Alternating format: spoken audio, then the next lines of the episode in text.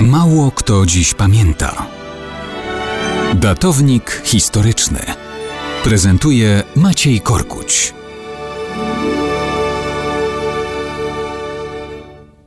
Mało kto dziś pamięta o bitwie pod Trojanowem nad Bzurą, jaka miała miejsce 10 czerwca 1294 roku, a więc całkiem ćwierciokrągłe 725 lat temu. Bitwa ta rozegrała się między mazowieckimi rycerzami księcia łęczyckiego Kazimierza II i litewskimi najeźdźcami księcia Witenesa. Hmm, takie to były czasy. Kazimierz II to wnuk Konrada Mazowieckiego, rodzony brat Władysława Łokietka i przyrodni Leszka Czarnego. Po bezpotomnej śmierci tego ostatniego objął rządy w ziemi łęczyckiej.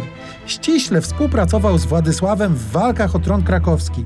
Wspólnie układali się z Przemysłem II w Wielkopolsce z myślą o łączeniu sił i jednoczeniu kraju.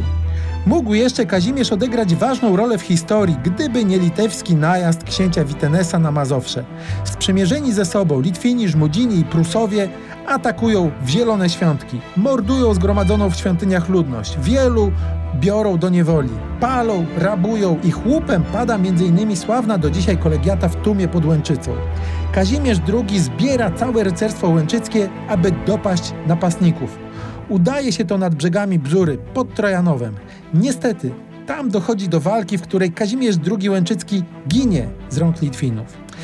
Władysław Łokietek traci rodzonego brata, a cała ta historia przypomina nam, że Unia Polsko-Litewska, do której doszło zaledwie 90 lat później, to było także przełamywanie wieloletnich podziałów i pamięci o wojnie.